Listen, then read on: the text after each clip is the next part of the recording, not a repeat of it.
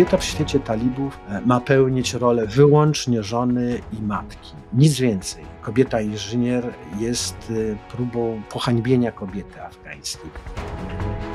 To są przecież ich żony, córki. Jak to jest wywalić własną córkę ze szkoły, a żonę z pracy? Afgańscy politycy nie zabiegają o poparcie ludności, tylko o jej posłuszeństwo. Talibowie niczym się tu nie różnią.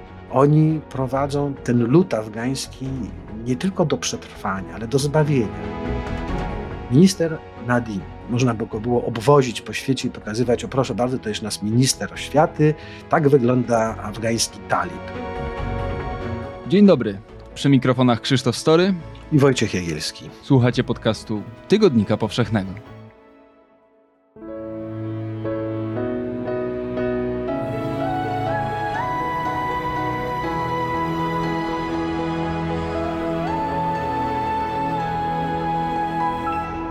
Podcast powszechny. Weź, słuchaj. Robiąc notatki do tego podcastu, co chwilę myliłem się przy zapisywaniu daty, a to oznacza, że po raz pierwszy słyszymy się w nowym roku. Z tej okazji ślemy Wam serdeczne życzenia na 2023 i równie serdeczne podziękowania, bo bez Was nie byłoby nas, nie byłoby tego podcastu. Nasze rozmowy powstają dzięki Waszemu wsparciu w serwisie Patronite. Jeśli podoba się Wam to, że możemy się tutaj co dwa tygodnie spotkać i opowiedzieć sobie coś o świecie, to zapraszam, można dołączyć do zbiórki pod adresem patronite.pl ukośnik podcast Tygodnika Powszechnego. A dzisiaj przenosimy się do Afganistanu, którym od ponad roku rządzą talibowie. Talibowie, którzy przejmując władzę zapowiadali, że bardzo się w ogóle zmienili od czasu swoich poprzednich rządów 20 lat temu, że nie mają problemu z dostępem kobiet do edukacji, do rynku pracy i na zapewnieniach się skończyło. Szkoły ponadpodstawowe pozostają dla dziewczyn w Afganistanie zamknięte od 15 sierpnia. E, oficjalnie ze względów bezpieczeństwa, logistycznych trudności, a teraz jeszcze Afganistan i Afganki, zwłaszcza, dostały dwa prezenty e, na koniec roku. Pierwszy przyszedł 20 grudnia i to jest wyrzucenie kobiet z uniwersytetów, z uczelni afgańskich. I do edukacji jeszcze wrócimy, a ja bym chciał na początku porozmawiać o tym drugim prezencie dla całego Afganistanu. 24 grudnia, kiedy my szykowaliśmy wigilijną kolację, rządzący Afganistanem talibowie oświadczyli, że nie życzą sobie, żeby organizacje humanitarne działające w kraju zatrudniały kobiety. Zakaz pracy kobiet, e, zwłaszcza w organizacjach dobroczynnych, e, no będzie miał bardzo przykre, bardzo smutne e, skutki. Kobiety stanowią prawie połowę ludności Afganistanu, a zgodnie z panującymi w Afganistanie obyczajami, które pod rządami talibów e, przybierają formę norm prawnych, kobiety mogą się kontaktować bezpośrednio jedynie z mężczyznami będącymi ich najbliższą rodziną. Wobec powyższego wdowy na przykład, które nie mają mężów, e, którzy zginęli w wojnie, na wojnie, a synowie jeszcze nie są dorosłymi mężczyznami, nie bardzo będą miały jak e, o pomoc e, humanitarną się ubiegać, bo dopóki pracowały w tych organizacjach zagranicznych zwłaszcza, bo to one głównie działają w Afganistanie. Póki pracowały kobiety Afganki, to afgańskiej kobiecie ubiegającej się o pomoc łatwiej, łatwo było skontaktować się z taką organizacją i prosić o pomoc. E, teraz, kiedy kobiety zostaną z, tych, z pracy w tych organizacjach wykluczone, mm, wdowy czy po prostu kobiety znajdujące się w e, najtrudniejszej sytuacji materialnej w Afganistanie, no, jakby zostaną odcięte od bezpośredniego dostępu do tych skromnych, bardzo skromnych i, i, i ubożejących z każdym miesiącem, z każdą decyzją talibów. E, te źródła pomocy są, są, są coraz, coraz uboższe, więc kobietom będzie, będzie z całą pewnością dużo, dużo, dużo trudniej, ale nie tylko kobietom, bo już obliczono, że wykluczenie kobiet e, w ogóle z rynku pracy będzie kosztowało Afganistan e, bardzo dużo pieniędzy, a tych pieniędzy Afganistan nie ma. No, problem w tym, że talibowie nie znają się na rządzeniu, nie znają się na gospodarce. Może się kiedyś poznają, ale cenę za tą edukację będą płacili ich rodacy i Afganistan jako kraj. Myślę, że ich wyobrażenie o świecie wciąż jest bardzo takie wąskie, takie wąwozowe. Życie ogranicza się do doliny i wszystko, co za, poza, poza tą doliną jest czymś e, obcym, a skoro obcym, to nieprzyjaznym, a w ogóle najlepiej nie mieć z tym wszystkim żadnego kontaktu. E, talibowie skupiają się na, na, na, na, na mm, jakby to powiedzieć, usunięciu z przestrzeni afgańskiej, z życia afgańskiego wszystkiego, co zostało w tym życiu zaszczepione przez 20 lat amerykańskiej czy zachodniej okupacji, czy obecności zachodniej w Afganistanie. I będą wypruwać te wszystkie rzeczy, które zostały wszyte, e, posadzone, wyhodowane, aż nie uznają, że, że wszystko, co obce, zostało jak chwasty z afgańskiej ziemi wyrzucone. Zaczęli od kobiet, bo to jest najłatwiejsze. W budynku, który przez 20 lat w Afganistanie był ministerstwem, e, które opiekowało się i zajmowało prawami kobiet, teraz jest e, na powrót Ministerstwo Promowania Cnót i Zapobiegania Występkom, no czyli ta afgańska, mm, powiedzmy, może nie policja, ale urząd obyczajowy. Mówiłeś o kosztach wykluczenia na przykład kobiet z rynku pracy. No jeden z raportów y, Organizacji Narodów Zjednoczonych y, już w styczniu 2022 y, czyli rok temu, szacował je na miliard dolarów rocznie, czyli 5% afgańskiego PKB. W Afganistanie dwie trzecie społeczeństwa, e, według raportów, które tutaj czytam, jest w jakiś sposób uzależniona od tej pomocy humanitarnej. Czy talibowie, ja rozumiem wąwozowe myślenie, no ale ono też chyba ma jakieś granice, czy... Nie ma, ma granice wąwozu, po prostu. No, nie zrobiłbyś kariery w ruchu talibów jednak. Nawet nie wysyłałem CV. No, pocieszaj, może się pocieszać, że, że, że, że talibowie to nie jest organizacja polityczna, która rozdaje legitymacje partyjne i gdzie trzeba płacić składki. To jest sposób myślenia, który też e, odnoszę wrażenie, że jest ci bardzo odległy. Taliba nie interesuje nic, co jest poza wąwozem. E, interesuje go ten wąski świat, można to nazwać wąwozem, może zaściankiem. To, w co on wierzy, że jest dobre.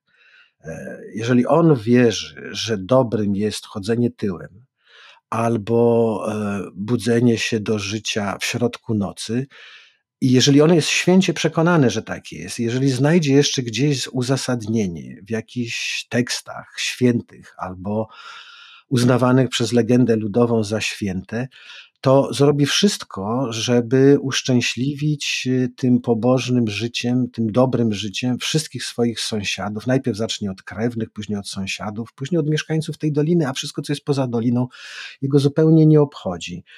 Rozumiem, że talibowie uważają, że to oni zaprowadzają tutaj sprawiedliwe porządki święte, które wymagają na przykład tego, żeby zabranić kobietom dalekich, samotnych podróży bez męskiego opiekuna. Rozumiem, że chcieliby ignorować to, co się dzieje poza wąwozem, ale czy na pewno mogą? No bo to spoza tego wąwozu do Afganistanu przylatywały miliony, miliardy dolarów pomocy humanitarnej. Czy talibowie mają pomysł, jak wyżywić ten kraj bez tych pieniędzy? No ale ta manna z nieba, ta zachodnia manna z nieba e, padała w Afga- spadła w Afganistanie, czy spadała w Afganistanie przez ostatnich 20 lat. Wcześniej nigdy się to nie zdarzyło. Nigdy w dziejach Afganistanu nie pojawił się ktoś, kto by zrzucał te pieniądze na Afganistan. W dodatku te pieniądze spadały na Afganistan, ale były przechwytywane nie przez tych Afgańczyków, którzy biedowali, biedują i będą biedować, tylko wpadały w ręce tych, którzy przyjeżdżali Afgańczykom pomagać. To oni zarabiali na tej działalności pomocowej przede wszystkim. Afganistan, owszem, zyskał, to nie ma w ogóle dwóch zdań, ale y, najwięcej zarobili ci, którzy zajmowali się zawodowo udzielaniem, udzielaniem pomocy. Ten urząd y, do spraw kobiet to jest e, wynalazek, który w Afganistanie istniał tylko wtedy, kiedy rządzili tam Amerykanie. Nigdy wcześniej czegoś takiego nie było, więc to Afgańczyków bardziej może zdziwiło pojawienie się takiego urzędu. To bardziej dziwi niż taki Departament Wspierania Cnoty i Walki z Występkiem, bo taka policja obyczajowa istniała, istniała w Afganistanie w taki czy inny sposób e, zawsze. Ale tym dokręcaniem śruby, mnożeniem zakazów i rygorów zajmuje się właśnie taki Departament Wspierania Cnoty i Walki z Występkiem, czy też minister e, oświaty, który jest talibem takim, bym powiedział, można by go było obwozić po świecie i pokazywać, o proszę bardzo, to jest nasz minister oświaty, tak wygląda afgański talib. I, i, i on taki jest. To można już było jesienią, w październiku spodziewać się, że kiedy Muła Nadim został wyznaczony na ministra szkolnictwa wyższego i w ogóle oświaty, no to, to, to, to, to koniec z nauką dla, dla kobiet. E, załamujemy ręce, e, że kobietom w Afganistanie nie pozwala się pracować w organizacjach dobroczynnych, a zapominamy, że minie 5-10 lat i problem pracy kobiet w Afganistanie w ogóle zostanie rozwiązany, bo e, będą kończyć naukę na szóstej klasie szkoły podstawowej. No więc nauczą się pisać tylko po to, żeby podpisać się na liście albo na jakimś rachunku, który podsunie e, im mąż czy syn, albo zwolnienie z, z lekcji WF-u do szkoły dla, dla, dla, dla syna, więc będą umiały pisać i podstawowe rachunki przeprowadzać. Nigdzie e, swojej edukacji kontynuować nie będą mogły. No więc za 10 lat nikt, kto przyjedzie pomagać Afganistanowi, nie zatrudni już kobietę, bo, bo, kobiet afgańskich, bo one nie będą potrafiły niczego poza zajmowaniem się domem. I to jest kierunek myślenia talibów. Kobieta w Afganistanie, czy kobieta może nie w Afganistanie, kobieta w świecie talibów e, ma pełnić rolę wyłącznie żony i matki, nic więcej. Talibowie uważają, że te obydwie role mm, są tak ważne i wymagają takiego poświęcenia, takiej uwagi, że e, kobieta nie może się po prostu niczym innym zajmować, bo wtedy albo nie będzie wystarczająco dobra w tej pracy zawodowej, albo nie do, będzie dopełniała tych wszystkich obowiązków e, w domu. Ale wróćmy do tej sytuacji międzynarodowej, bo, bo, bo, bo rzeczywiście nam się może wydawać, że to jest taka, taki pęd ku przepaści, że w końcu ten, ten, ten Afganistan pod rządami talibów roztrzaska się e, na, na przepaści albo na jakiejś przeszkodzie. Ale też to nie jest tak, że nie ma krajów, które to nie, że chcą pomagać Afganistanowi, tylko chcą jednak z Afganistanem prowadzić jakieś interesy, mając e, na myśli nie pomoc Afganistanowi, ale zarobek. Chiny e, z całą pewnością pod pewnymi warunkami, ale tymi warunkami nie będą prawa kobiet, ani jakiekolwiek prawa obywatelskie, e, gotowe są inwestować pieniądze w Afganistanie, w afgańskie złoża e, minerałów, kompletnie nieodkryte, bo nikt tego w Afganistanie nigdy nie szukał i nie eksploatował.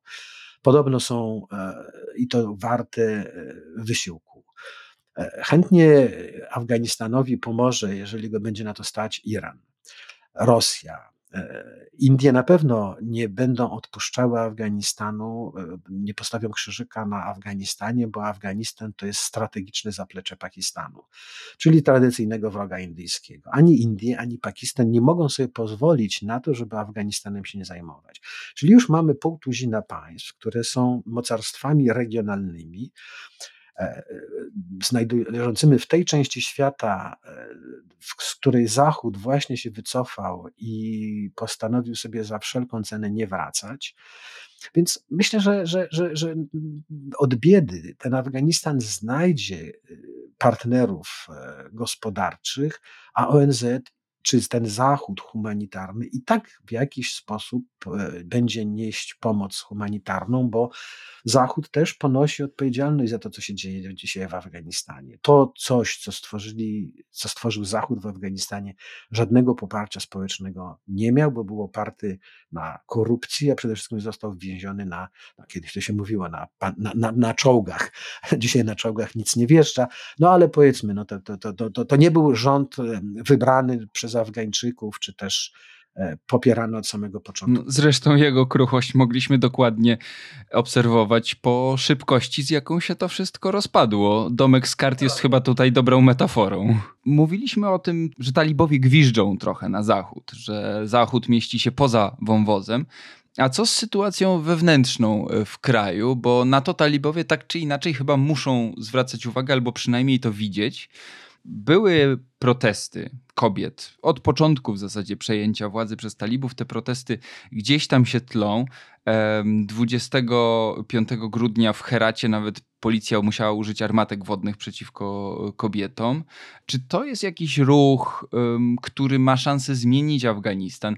Pytam, bo pod tymi być może zaimportowanymi sztucznie rządami i porządkami amerykańskimi y, wyrosło jednak całe pokolenie Afgańczyków. To było 20 lat ludzi, którzy y, jednak żyli w kraju, w którym zawsze było Ministerstwo do Spraw Praw Kobiet.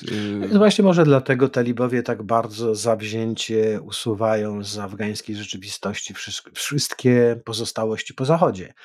E, bo być może oni też obawiają się, że przez te 20 lat wyrosło tam coś, co zagraża ich e, duchowemu i politycznemu panowaniu i nie spoczną, dopóki tego wszystkiego nie wyplenią. Te protesty e, no to nawet nie jest kropla e, w oceanie. To, była kilka, to było kilkadziesiąt osób w Heracie, w Kabulu i studentek, czyli studentów medycyny w Dżelalabadzie, czyli w miastach takich, no największych miastach, najbardziej otwartych na świat. No Herat jest no nie powiem, że bardziej irańskie niż afgańskie, ale to jest no, no, no miasto ze szlaku jedwabnego, wielka metropolia.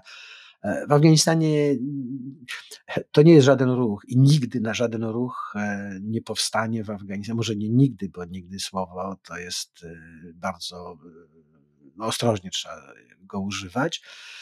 Natomiast no, nie przewiduję, żeby w najbliższej przyszłości cokolwiek, co będzie miało znaczenie polityczne i miało wyrosnąć oddolnie z tej gleby, która tam się ułożyła przez te 20 lat amerykańskiej zachodniej obecności. Raczej to, co Zachód próbował zaszczepić, zostało skompromitowane przez sposób e, uprawiania tej gleby, a przede wszystkim porzucenia jej w sierpniu 2021 roku. Z tym akurat talibowie, z takim ruchem obywatelskim, tym nie muszą sobie zawracać głowy. Ale zabraniając e, nauki dziewczętom, e, być może, kto wie, czy nie sprowadzają sobie na głowę dużo większych kłopotów, dlatego że w obronie swoich córek mogą wystąpić ich ojcowie. Bo co teraz może zrobić, co ma zrobić taki ojciec, którego Allah e, uszczęśliwił czwór, czwór, czterema dziewczętami na przykład. Ojciec i, i córki, które mają e, większe ambicje niż tylko e, pozostać żoną i matką i gospodynią. On w Afganistanie nie może tych córek kształcić, nie zrobi z nich lekarek chociażby, to byłoby teoretycznie możliwe, że w Afganistanie no, kiedyś tak będzie, bo kobiety muszą przecież mieć prawo do opieki medycznej, ale według talibów chorymi kobietami mogą zajmować się tylko e, kobiety, lekarki, mężczyzna, nie, obcy mężczyzna nie powinien mieć do nich dostępu. Nawet takiej lekarki w Afganistanie afgański ojciec nie, nie, nie, nie wykształci, bo póki co talibowie tego zabraniają. Więc przed takim Afgańczykiem staje wybór wyjeżdżać z kraju do Pakistanu czy Iranu, a tam jego sytuacja materialna będzie zupełnie inna niż w Afganistanie. W Afganistanie też nie jest najlepsza. E, I tu mogą e, talibowie narobić sobie tak wielu wrogów, że, że, że może to być jakimś tam zaczynem, ale to, to, to, to naprawdę takim zaczynem zaczynu, jakiegoś sprzeciwu, który przeciwko nim się zacznie. Pamiętam, pod koniec lat 90., kiedy talibowie też wprowadzali swoje porządki, ale kiedy tej obecności zachodniej nie było i tych wynalazków zachodnich nie było aż tak wielu, a przynajmniej nie niebezpiecznych, talibowie próbowali porządkować świat e, też wprowadzając rozmaitego rodzaju rygory i oburzenie Afgańczyków, afgańskich mężczyzn wywołał na przykład zakaz e, hazardu, e, który dotyczył także no, bardzo to lubili i nigdy nie widziałem walk kogutów. I nawet nie chodziło o te cholerne koguty. Nie chodziło w ogóle, czy to grasz w pokera, czy się ścigasz na rowerze. Chodziło o to, że jakiś minister, jakaś władza wkracza w kompetencje moje, afgańskiego mężczyzny. Żaden afgański mężczyzna nie pozwoli sobie, żeby w jego domu znaczy, minister afgański, władza afgańska może sobie stać na ulicy przed furtką, ale przez bramę do obejścia już nie może wejść bez pozwolenia właściciela tego domostwa. A każdy rząd, który naruszy to święte w przekonaniu Afgańczyków prawo, naraża się na to, że ten Afgańczyk wyda mu wojnę na śmierć i życie. Jeżeli takich Afgańczyków z takich obejść znacznie, znajdzie się wielu, jeżeli znajdzie się ktoś, kto wezwie tych oburzonych pod swoją komendę, to wtedy tak, wtedy talibowie mogą, e, mogą być zagrożeni. Póki co na to się nie zanosi. Ja mam wrażenie, że my trochę tak rozmawiamy, siedząc na naszym bezpiecznym zachodzie, na którym mamy zupełnie inne porządki już od bardzo dawna.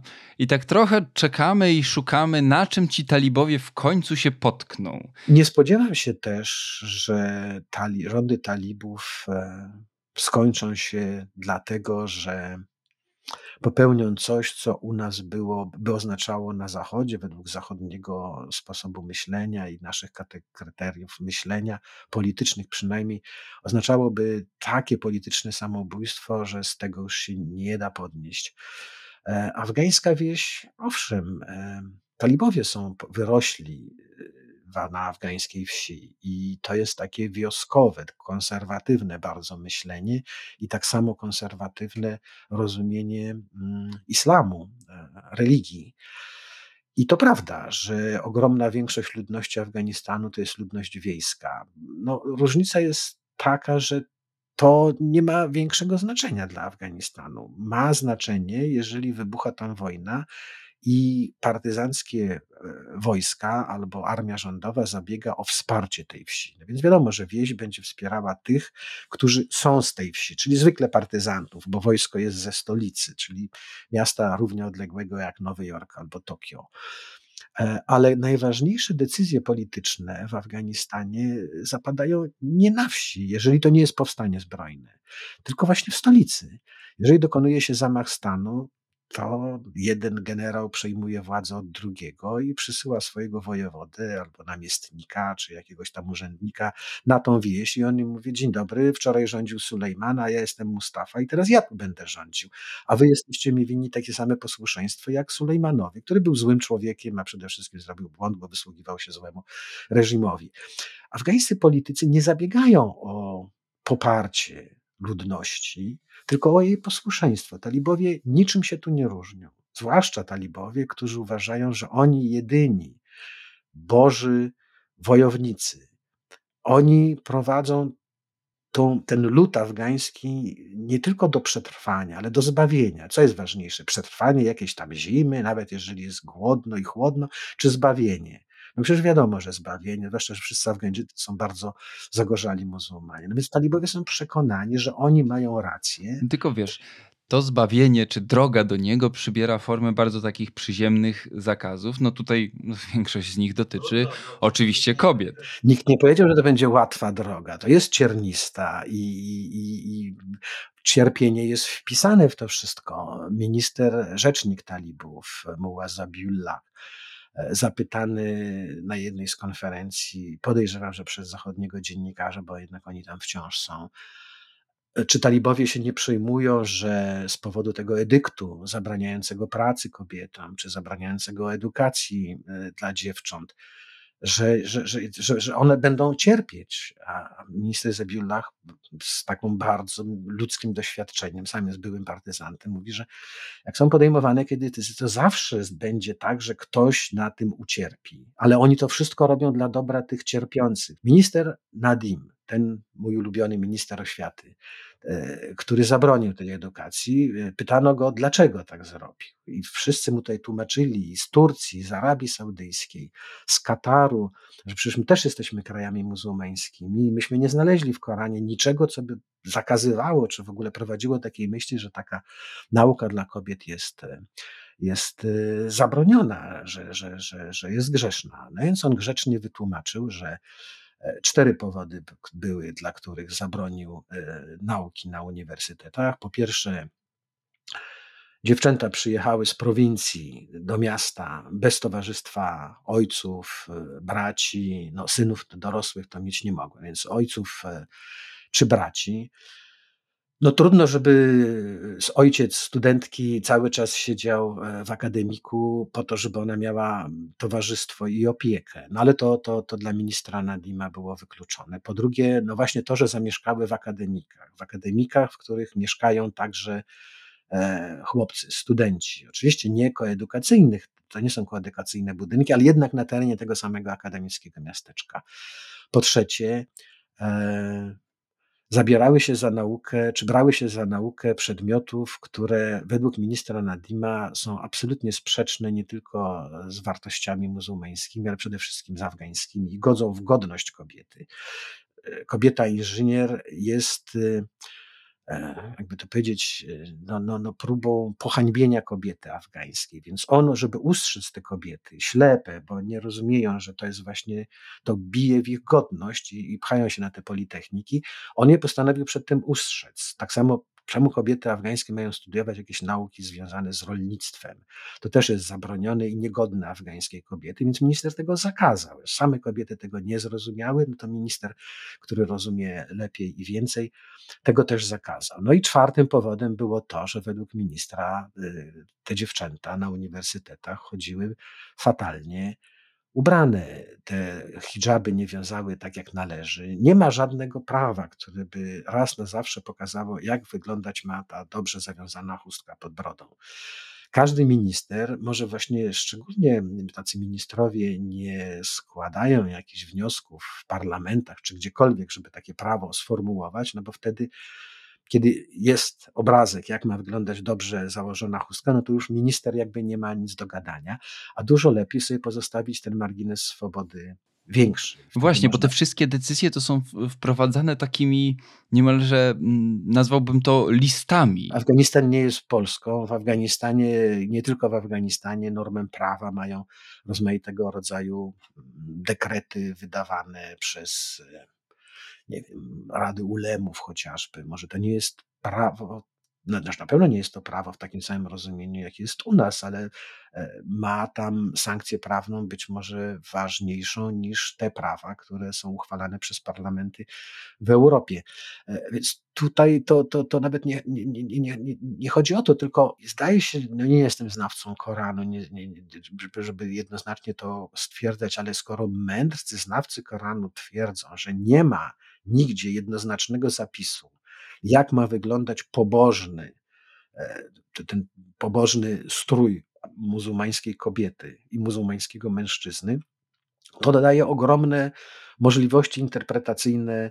Z drugiej strony są też bardzo konkretne zasady, na przykład dystans, na który kobieta może podróżować sama dzisiaj w Afganistanie, to jest chyba 45 mil. Ale to, to rozumienie tych wszystkich zasad i przepisów, e, afgańska interpretacja Koranu i prawa koranicznego, a zwłaszcza ta interpretacja w wykonaniu talibów, różni się ogromnie od interpretacji tego samego Koranu i tego samego prawa koranicznego, e, dokonywanej przez uczonych w piśmie w Kairze, e, w Dżidzie, czy w Rabacie i, i to, co się dzieje, nie, nie, to, to jest błędem ogromnym utożsamianie porządków obyczajowych, prawnych, politycznych w Afganistanie z porządkiem, no nie tylko z islamem, ale jakby z tym porządkiem, jak powinno wyglądać dobre państwo e, muzułmańskie. No z całą pewnością żaden Saudyjczyk, żaden Marokańczyk, żaden Algierczyk nie zgodziłby się na przeprowadzkę do Afganistanu czy nawet do Iranu, e, tylko dlatego, że tam jakiś imam e, twierdziłby, że, że tak i tylko tak wygląda dobre państwo Boże na ziemi. Zbliżamy się do końca, ale chciałbym zrobić jeszcze krótką lekcję historii, bo e, mówimy o tym, że zupełnie inaczej interpretują to muzułmanie w innych państwach, e, ale zupełnie inaczej interpretował to też Afganistan w swojej historii możemy zrobić taki szybki przelot przez ostatnie, no powiedzmy 100 lat, bo 100 lat temu e, Afganistanem rządzi król Amanullah. E, jego żoną jest królowa Soraya. Do dzisiaj jedyna, która powiedzmy jest wpisana na listę rządzących Afganistanem. Bardzo ważna postać, także dla praw kobiet. E, władca, który y, no właśnie zaczyna działać na rzecz emancypacji kobiet. Jego żona publicznie zdejmuje tę chustę. Ale w Europie. W Europie, ale jednak pewnie z naszej europejskiej perspektywy nie, nie, nie zachwycalibyśmy się jakoś tym nadmiernie, natomiast zupełnie inaczej niż wygląda to dzisiaj pod rządami talibów. Edukacja, yy, prawa wyborcze, to wszystko w Afganistanie było. No, historia e, Afganistanu dałaby się e, obrazowo przedstawić jako taka jazda wagonikiem na diabelskim młynie. Raz się jest bardzo wysoko, potem zjeżdża się w dół i nie wartościuje tego, co jest wysoko, a co jest na dole. Ale to są takie cykliczne okresy e, panowania modernizatorów, takich jak ten król Amanullah, o którym, o którym wspomniałeś, którzy chcieli za wszelką cenę modernizować, westernizować kraj. Robili to w dobrej wierze, natomiast za szybko. Te, ta, ta ich pęd za postępem y, Afgańczycy nigdy nie nadążali. Obalali takich władców. Po nich przychodzili ci, którzy uważali nie pędzić za postępem, tylko się cofnąć, zamknąć, izolować. A Manulach należy do tej grupy postępowców i modernizatorów, jak, y, do której należą także komuniści, którzy przyszli do władzy w latach 70., e, a także ci, których ustanowili u władzy Amerykanie. Po tych modernizatorach przychodzą ci, którzy uważają, że trzeba zwrócić się w zupełnie innym kierunku, tak jak talibowie. Jeśli chodzi o prawa kobiet, to chyba taką złotą dekadą Afganistanu, przynajmniej z naszej perspektywy, są lata 60.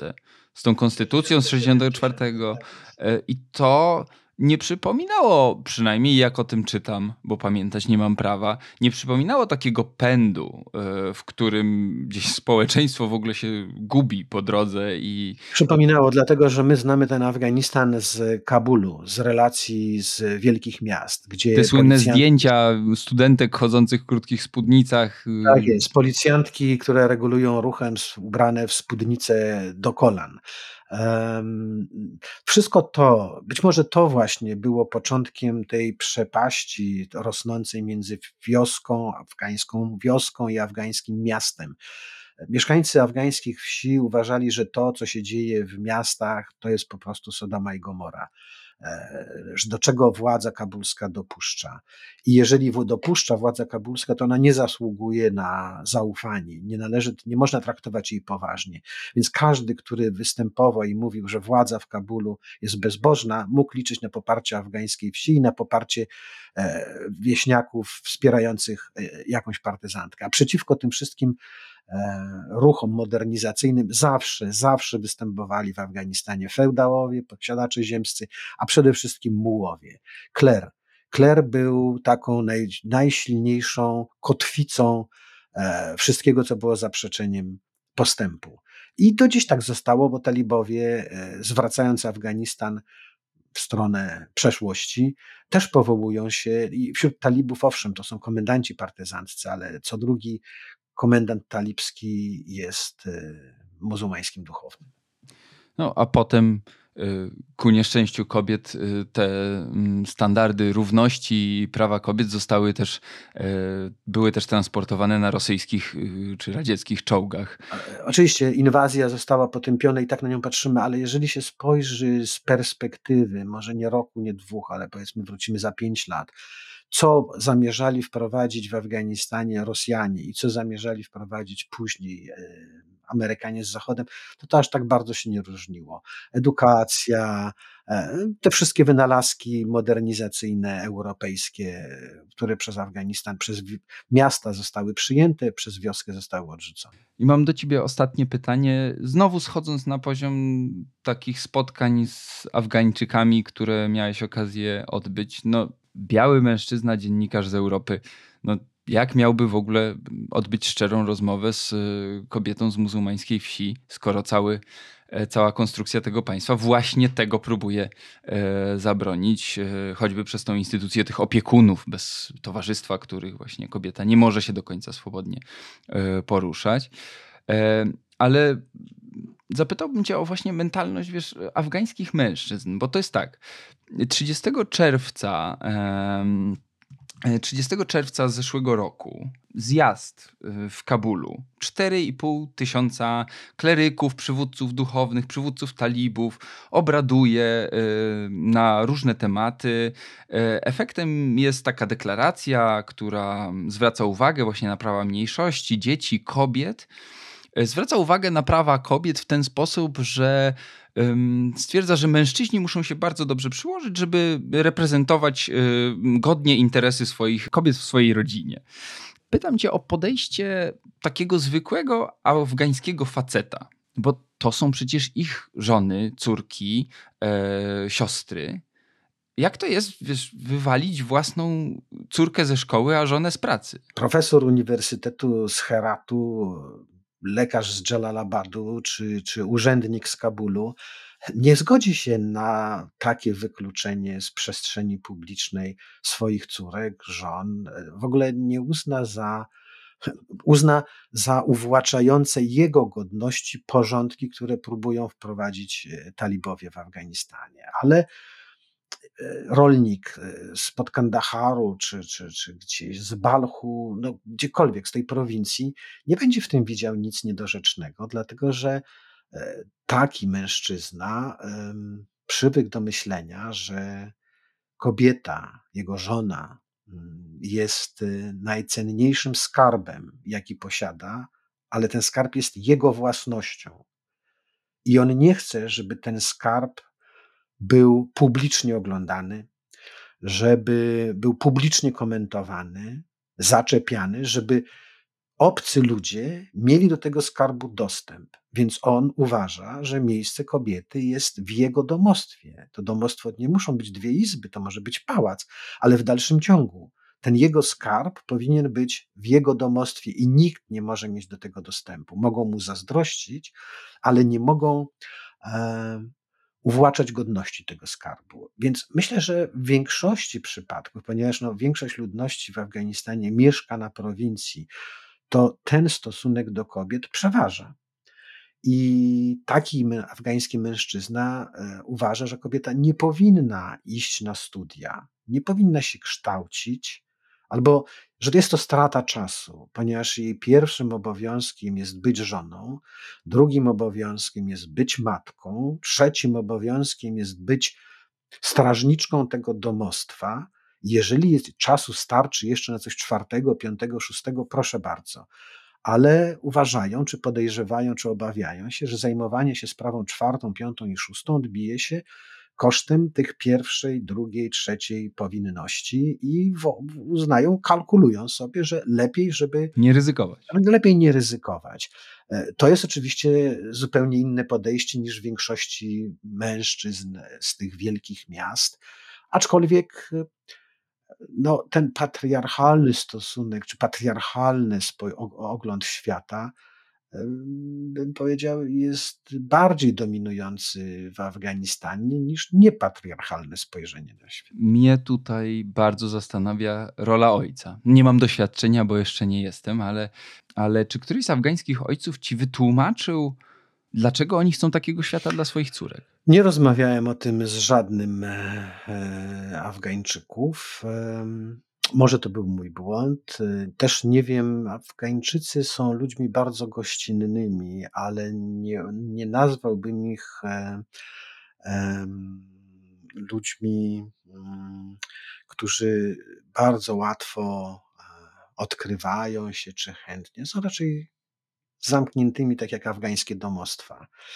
I to, co by mi powiedział, nie musiałoby oznaczać tego, co naprawdę uważa i czuje. Powiedziałby mi to, żeby dobrze wypaść z tej opowieści, żebym ja był zadowolony z tego, co powiedział.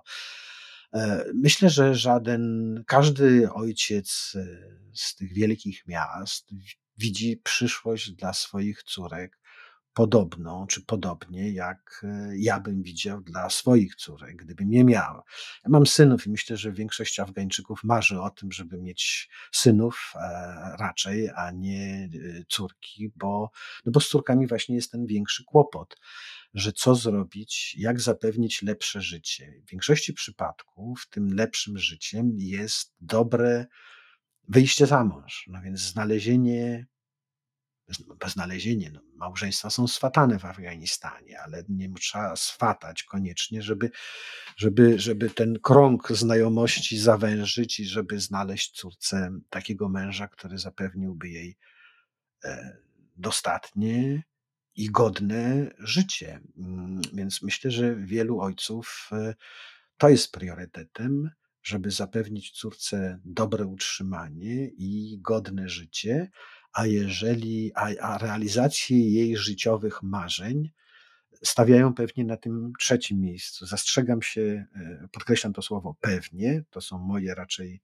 przypuszczenia czy, czy, czy, czy obserwacje niż e, konkretna wiedza pochodząca z jakichś tam, z jakichś tam e, wypowiedzi. No, warunki, w jakich się żyje, to środowisko, w którym się żyje, bardzo kształtuje nie tylko nasze wyobrażenia najlepszego życia dla, dla, dla, dla dzieci, ale formuje także aspiracje e, tych dzieci. Więc e, to jest najtragiczniejszy moment, dlatego że po 20 latach zachodnich porządków w tych wielkich afgańskich miastach wyrosło pokolenie młode, które ma prawo, albo inaczej byłoby czymś bardzo dziwnym, gdyby aspiracje tych młodych ludzi nie nakładały się na to wszystko, co widziały przez 20 lat. I one mają prawo sobie wyobrażać, że, że, że sięgną e, gwiazd, tak, tak samo jak ich rówieśnicy z Francji, Polski czy Stanów Zjednoczonych.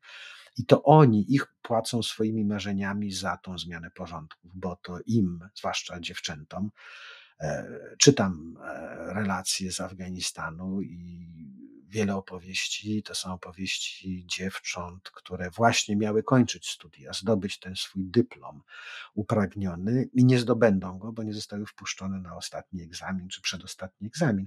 Ta kariera, czy powiedzmy te marzenie o nauce chociażby, e, czy o tym dobrym życiu zostało przerwane gwałtownie, no właśnie jednym nakazem czy zakazem e, ministra oświaty. I to wszystko podczas tej naszej wizyty w Afganistanie. Myślę, że jeszcze będziemy w podcaście do tego kraju wracać, a wy zostańcie z nami jeszcze chwilę. Wracamy za moment. Pozwolą Państwo, że przerwę dosłownie na półtorej minuty. Dzień dobry. Nazywam się Michał Kuźmiński. W Tygodniku Powszechnym kieruję wydaniem internetowym, serwisem tygodnikpowszechny.pl. Co tydzień tygodnik przygotowuje dla Państwa artykuły najwyższej jakości od 2021 roku nasze autorki i nasi autorzy otrzymali 27 nominacji i nagród dziennikarskich i literackich. Nasi korespondenci piszą z ukraińskiego frontu i innych punktów zapalnych świata. Publikujemy rozmowy z najważniejszymi postaciami kultury.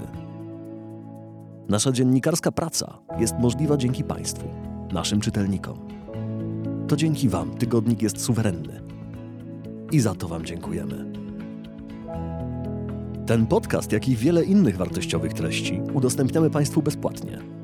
Jeśli chcecie wesprzeć naszą pracę, zachęcamy do skorzystania z oferty dostępu do serwisu tygodnikpowszechny.pl, dzięki któremu oprócz bieżącego wydania zyskają Państwo także możliwość czytania treści specjalnie dla subskrybentów, takich jak cykl tekstów Wojciecha Jagielskiego Strona Świata, a także tysięcy tekstów archiwalnych.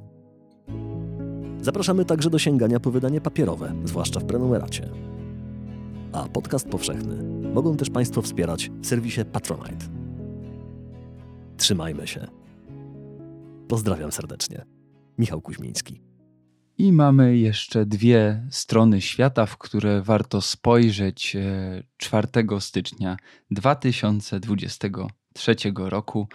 I na początku Wojtek zabierze Was do Tunezji. Tak, Tunezja choćby dlatego, że z dwóch powodów. To jest popularny kierunek e, na zimowe ucieczki z chłodnej Europy, jednak w cieplejsze miejsce. A drugi ważniejszy, że e, Tunezja uchodziła za ten jedyny kraj, który wyszedł nie tylko obronną ręką z e, tych burz dziejowych, arabskiej wiosny, ale który na tym zyskał, że demokracja się mocno mm, zakorzeniła bardziej jeszcze. Otóż ten kraj przeżywa ogromne kłopoty. Po demokratycznym chaosie dwa lata temu nastał prezydent Kais Said, który został wybrany przez Tunezyjczyków mających dość tych kłótni partyjnych, e, i, i przywódców partyjnych, którzy przekładali swoje prywatne i partyjne interesy nad dobro państwa.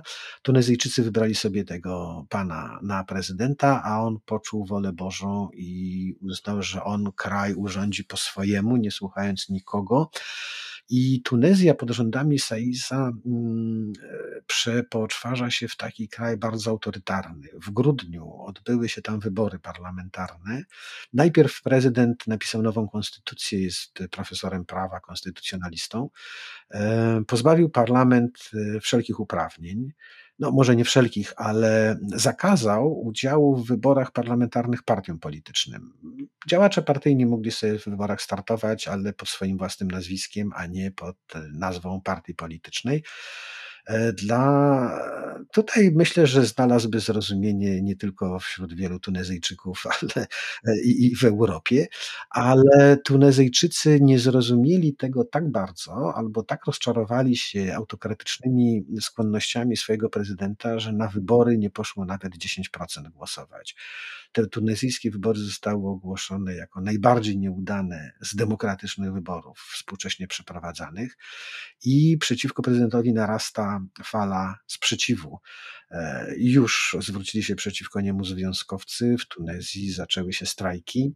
E, wybory e, parlamentarne się nie skończyły, bo w pierwszej rundzie wybrano tam dwudziestu paru tylko posłów i w styczniu trzeba będzie je powtórzyć, a przeciwnicy prezydenta, a także jego niedawni jeszcze zwolennicy namawiają go albo grożą mu, żeby wyrzekł się całej tej swojej koncepcji autokratycznej reformy tunezyjskiego państwa i pozwolił, żeby kraj wrócił na te, w te kolejny, może trudnych reform, żmudnych i, i, i nieefektownych, ale jednak bezpieczniejszych niż taki eksperyment z autokracją.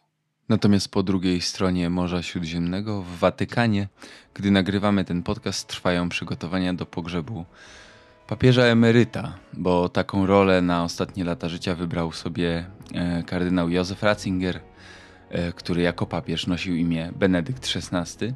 Więcej o tej postaci pożegnania, a także archiwalne teksty, w tym wywiad z samym Józefem Ratzingerem, możecie znaleźć na stronie tygodnikpowszechny.pl, na którą serdecznie zapraszam. A w tym odcinku podcastu Jagielski Story to już wszystko. Dziękujemy, że jesteście i do usłyszenia za dwa tygodnie.